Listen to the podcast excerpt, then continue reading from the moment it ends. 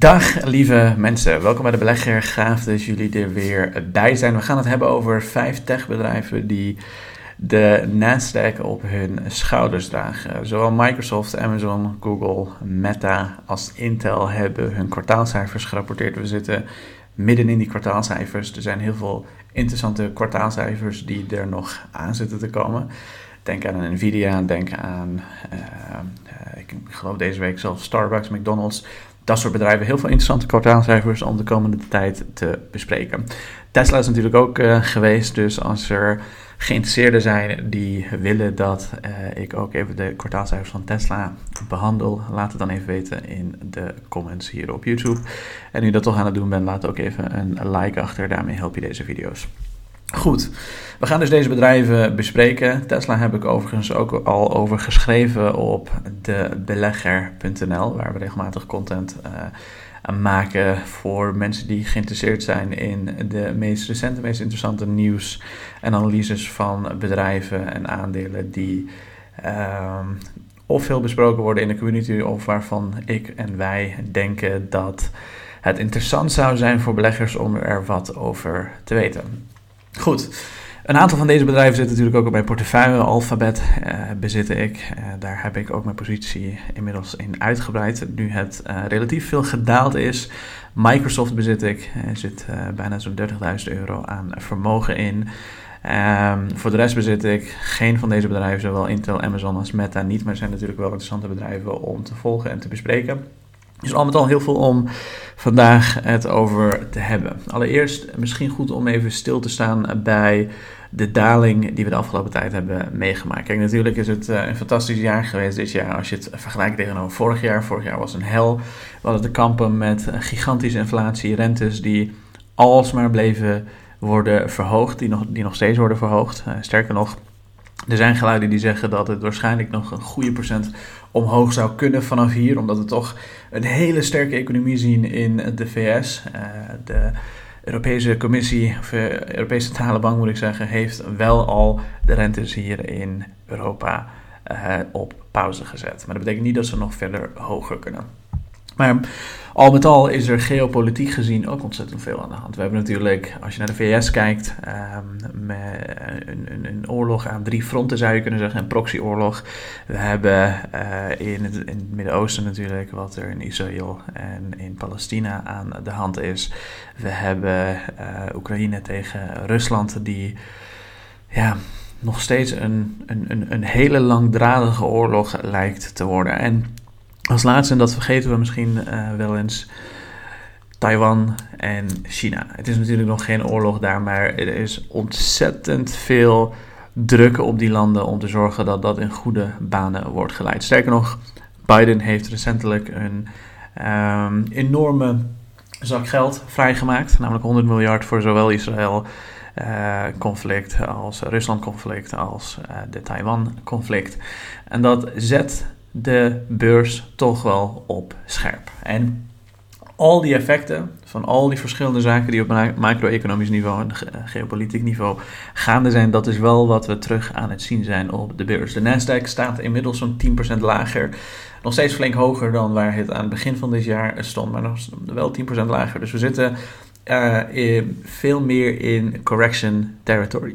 Oftewel, je zou echt kunnen spreken van een correctie voor tech-aandelen. En voor de lange termijn belegger zijn dat mooie momenten. Dat zijn momenten waarin ik persoonlijk aankoop. Ik heb ook recentelijk een aantal interessante aankopen gedaan, waarvan dus eentje uh, bijvoorbeeld Alphabet was, die met 10% zakte. Inmiddels uh, zo'n bijna 12% is gezakt sinds de top.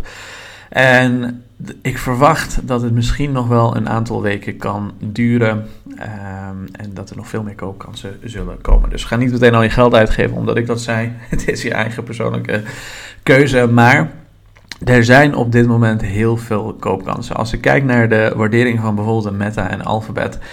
Dat zijn hele aantrekkelijke waarderingen, zeker als je naar de groeiratio's van deze bedrijven zou kijken. Maar goed, we gaan de kwartaalcijfers van al deze bedrijven doornemen. Want ondanks dat er een daling is, ondanks dat er heel veel gespeculeerd wordt, ondanks dat de beurzen wat ja, shaky zijn, ondanks dat eh, al deze bedrijven hele voorzichtige guidance of outlook hebben gegeven voor de rest van dit jaar, voor Q4 en volgend jaar, zien we toch, als we een beetje objectief gaan kijken naar die cijfers, hele goede cijfers. En dat is idealiter wat je als lange termijn belegger wil zien. Je wil goede cijfers zien van bedrijven die een uh, relatief voorzichtige guidance afgeven in een markt dat in een correctiefase zit. Want dat betekent enorme koopkansen.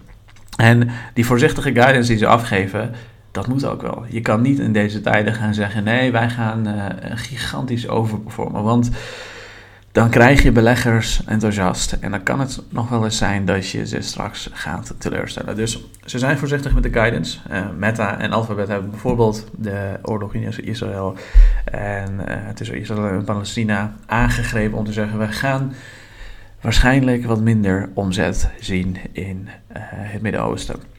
Maar goed, we gaan zien hoe dat zich gaat ontvouwen. Maar ik vind persoonlijk dit momenten om bij te kopen. Sterker nog, als het nog verder gaat dalen, wat waarschijnlijk wel gaat gebeuren, en zo niet, top. Um, dan zal ik bereid zijn om veel meer van dit soort aandelen bij te kopen. Goed, laten we gaan kijken naar de verschillende bedrijven en hun kwartaalcijfers. Als we eerst gaan kijken naar de grote drie, Microsoft, Amazon en uh, Google. Tevens ook de grote drie in de cloud sector. Want al deze drie bedrijven hebben een uh, cloud divisie die volop in de groeifase zit. En die vechten om marktaandeel. En een van de belangrijkste redenen waarom Google gedaald is, is natuurlijk die cloud divisie. De cloud divisie heeft uh, vooral uh, heeft het heel goed gedaan, maar heeft vooral tegenover de verwachting te, teleurgesteld. Als we kijken naar de cijfers, dan zien we een aantal heel, interessante dingen. Winst per aandeel op 1,55 tegenover 1,45. Dus ver boven de verwachting. Um, omzet op 7, 76 miljard, 76,69 miljard tegenover 75,97 verwachting. Een groei van 11%. Dus ook boven verwachting. YouTube deed, deed het fantastisch. Uh, de uh, kosten voor verkeersverwerving uh, die kwam net iets boven de verwachting uit. Wat je idealiter niet zou willen normaal gesproken. En Google Cloud omzet kwam net onder de verwachting. Um, die wel met 22% groeide. Dus je zou zeggen, ja, wat is er aan de hand? En wat er aan de hand is, is onderaan de streep de operating income. Google Cloud heeft een um, in 2022 uh, ongeveer 440 miljoen uh, verloren uh, qua winst, laten we zeggen. Um, dit jaar heeft het een winst geboekt van 266 miljoen. Dus je zou je afvragen, ja, wat is dan precies daar mis? Analisten die hadden namelijk gerekend op zo'n 450 miljoen winst. Dus dat is 50%, even gechargeerd gezegd, 50% minder winst dan wat analisten hadden gerekend. Dus nu natuurlijk wat minder dan die 50%, maar even gechargeerd gezegd. 50% minder winst dan waar analisten hadden gerekend. En dat is waarom Google vooral wordt uh, afgeslacht op de beurs. En ik vind dat geen goede reden voor Google om zo'n gigantische daling mee te maken, namelijk bijna 12%. En zeker als je uh, uh, ook nog eens gaat kijken dat die 12% wat Google gezakt is, dat is de hele waarde van, van Disney als, uh, als bedrijf. Um, maar zeker omdat um, de cloud divisie toch relatief goed de groei vasthoudt. 22% groei. De verwachting was 8,6, het is op 8,4 uitgekomen, dus dat valt enigszins mee. En wat mij betreft hoeven zij nog niet gigantische winsten te gaan boeken in de cloud divisie. Zeker omdat zij toch de kleinste speler zijn tegenover een uh, Amazon en tegenover een Azure van Microsoft. En daar mag uh, uh, wat verlies tegenaan zitten. En, en, en, wat mij betreft hoeven ze daar nog niet op gigantische winsten te gaan rekenen. Maar toch zijn analisten sceptisch die zeggen: ja, oké, maar tegenover die kleine winst staat dan niet een of andere gigantische groei wat beter is dan de concurrenten. Want Azure is nog steeds de snelst groeiende en de enige die marktaandeel aan het winnen is. Dus laten we zien hoe, hoe dat zich uh, ontvouwt. Maar ik uh, vind dit geen goede reden voor Google om te dalen. Zeker als je kijkt naar het feit dat uh, de advertentietak uh, weer gaan, is, is weer gaan groeien. En dat zien we ook terug bij Meta. En ik hoop dat we daar straks ook terug zijn bij bedrijven zoals een Roku en andere bedrijven die in de advertentiespace zitten. Dus dat is, dat is Google. Ik heb zelf wat bijgekocht en uh, mocht het nog verder dalen, dan zal ik nog wel even wat bij gaan snoepen.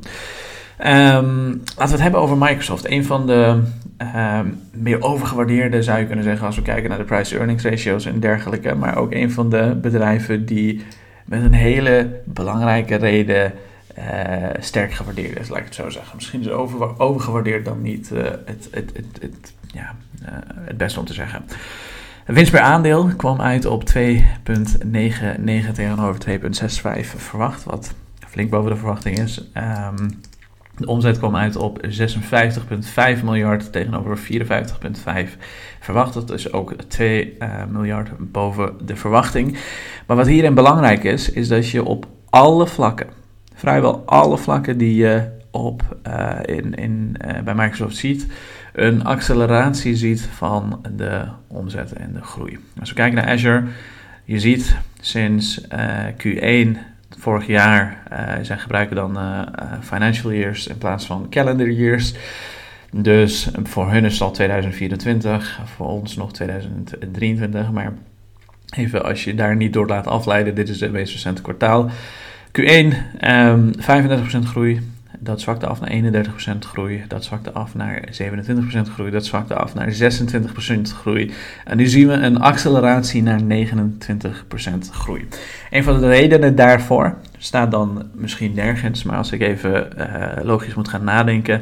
We weten dat we in deze periode te maken hadden met lagere eurokoersen. En elk bedrijf die had het over, ja, maar aangepast voor de eurokoers hadden we zus en zo. Uh, uh, percentage geboekt. En nu die eurokoers het beter doet, zie je niet terug dat aangepast voor die eurokoers dat uh, de omzet dan ook weer accelereert. Dus enigszins heeft het wel met die eurokoers te maken. Maar tegelijkertijd, ze winnen wel flink marktaandeel van de totale markt als je ze vergelijkt tegenover een Google en een Amazon.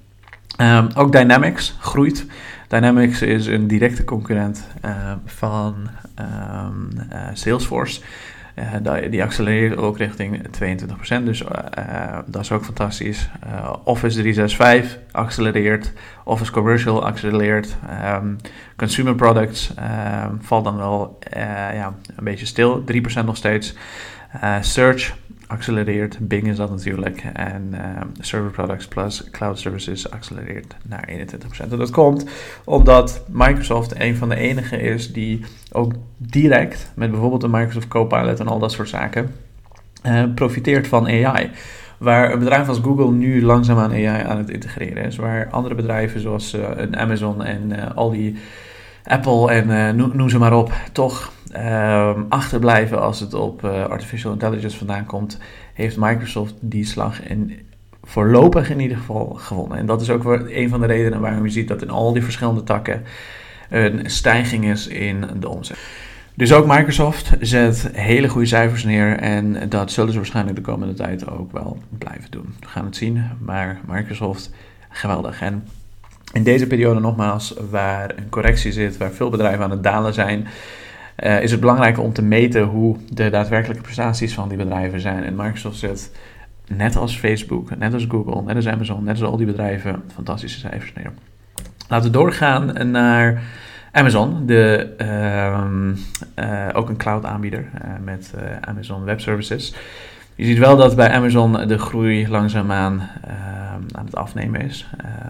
12% is de Amazon Web Services gegroeid net sales, 12% up.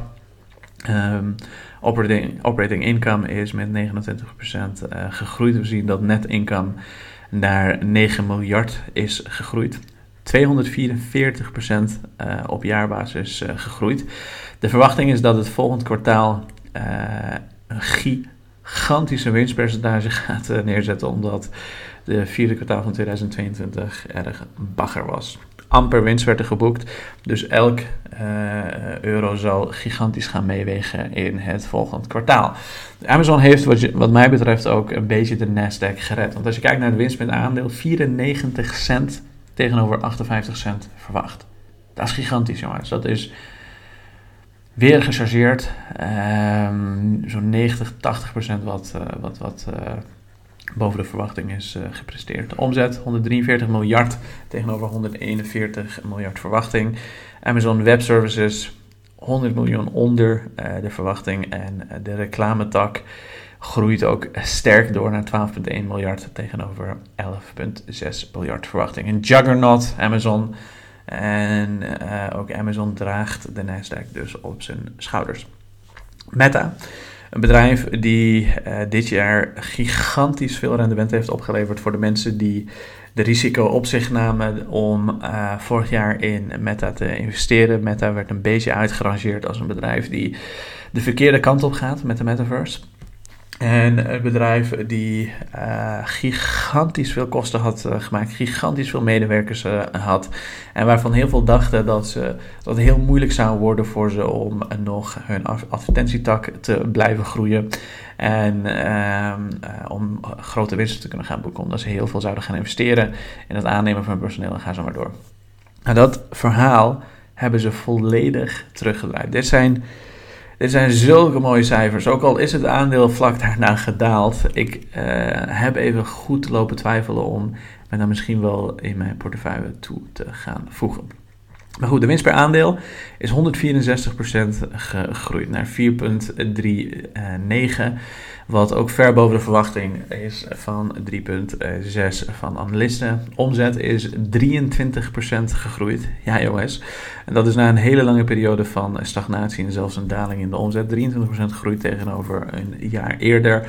Dagelijks actieve gebruikers zijn on point, maandelijks actieve gebruikers on point, omzet per uh, gebruiker on point. 24% van hun personeel hebben ze ontslaan om, die, om de winst te zien groeien. En daarmee heeft Meta de, het hele verhaal uiteindelijk omgedraaid. Het zijn fantastische cijfers. Dit zijn cijfers die uh, Meta ook nodig had om uh, beleggers, uh, investeerders te kunnen vertellen: jongens, eh, wij weten een beetje wel wat we aan het doen zijn. We zijn niet uitgerangeerd.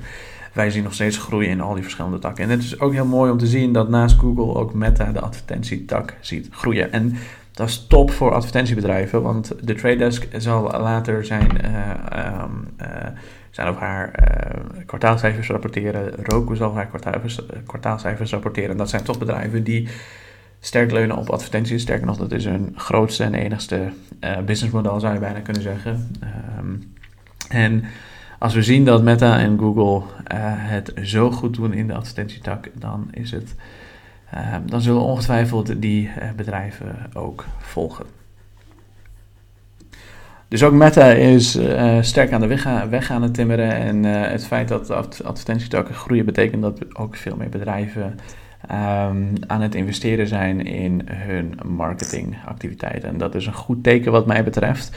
Ook al ziet het er allemaal misschien niet op de eerste oog rooskleurig uit als we naar de economische cijfers kijken, als we naar die hoge rentes kijken en, en dergelijke is dit toch wel iets uh, wat een ander verhaal vertelt. En de vraag is dan: uh, lopen Google en Facebook vooruit op de economische data die we later gaan zien?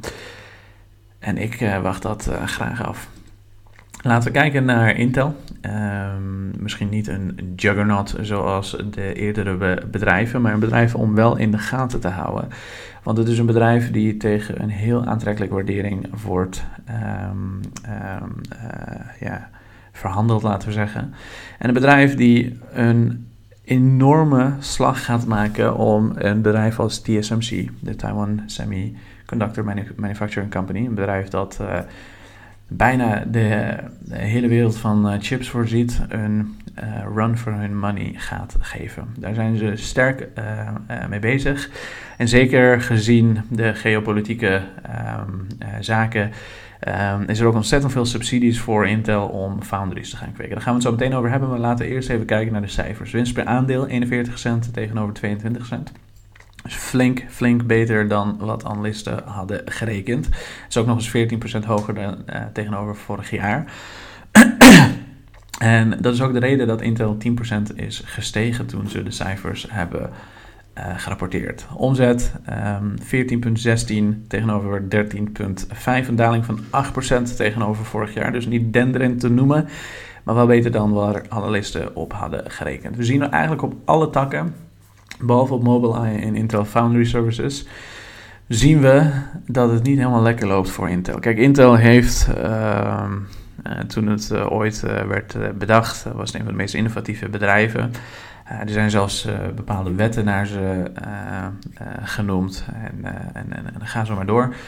Maar over de loop van tijd heen hebben AMD en vooral Nvidia um, dusdanige innovaties naar buiten gebracht die Intel volledig buitenspel hebben gezet. Sterker nog, uh, Nvidia uh, heeft inmiddels um, uh, het, het, stokje van Intel overgenomen. En Intel is zich nu steeds meer gaan focussen op foundries. Mobileye doet het ook goed, 18% gegroeid. Dat is een bedrijf die nu beursgenoteerd is en nog steeds een dochteronderneming is van Intel. Die groeit zo'n 8%, 18%. Um, het is een bedrijf die het makkelijk maakt om je auto en een zelfrijdende auto te veranderen. Um, maar wel een bedrijf die nog steeds gigantische verliezen draait. Dus dat, uh, of dat nou iets heftig is, ja, ik weet niet. Ik zou het zelf niet aandurven. Maar wat het, um, het verhaal van Intel interessant maakt, is de Intel Foundry Services. De opkomende chipproductiebusiness van het bedrijf. Die direct concurreert met TSMC. Het is nog steeds een heel klein deel. Dit heeft een omzet van ongeveer 311 miljoen. Maar het groeide wel met zo'n 300% ten opzichte van vorig jaar. En dat komt omdat Intel een hele grote klant heeft binnengehaald. Die heeft gecommitteerd om een deel van Intel's capaciteit te gebruiken. En zelfs een vooruitbetaling heeft gedaan om chips te produceren in de foundries van Intel. Foundries zijn heel simpel enorme chipfabrieken die chips bouwen zoals uh, die van Nvidia. Nvidia is altijd een designer geweest om chips uh, te designen waar die gepatenteerd zijn, zoals AMD dat ook is geweest en zoals Intel dat ook al die jaren is geweest. Intel heeft altijd besloten om niet een foundry te worden, dus chips te maken voor anderen, wel chips voor zichzelf. En um, inmiddels doen ze dat dus ook voor anderen. En dat is het enige wat Intel uiteindelijk ook gaat redden. Dat waren de cijfers. Dat waren de cijfers van de meest interessante bedrijven. We zitten nu in een periode waar we midden in een correctie zitten. We zitten in een periode waar cijfers ontzettend belangrijk zijn uh, om deze goed te kunnen lezen. En de bedrijven die de uh, al deze omstandigheden over een hele lange periode goed blijven navigeren. Dat zijn de bedrijven die op de lange termijn gigantische rendementen gaan opleveren. En ik hou ze scherp in de gaten. En uh, ik zal ze ook regelmatig met jullie uh, delen. Zoals dat uh, op debelegger.nl, op Instagram en hier op YouTube als ik daar de tijd voor heb. Dus ik hoop dat je dit interessant vond. Ik hoop dat je er wat aan had. Ik hoop dat je er weer wat van geleerd hebt. En ik zie je terug bij de volgende video.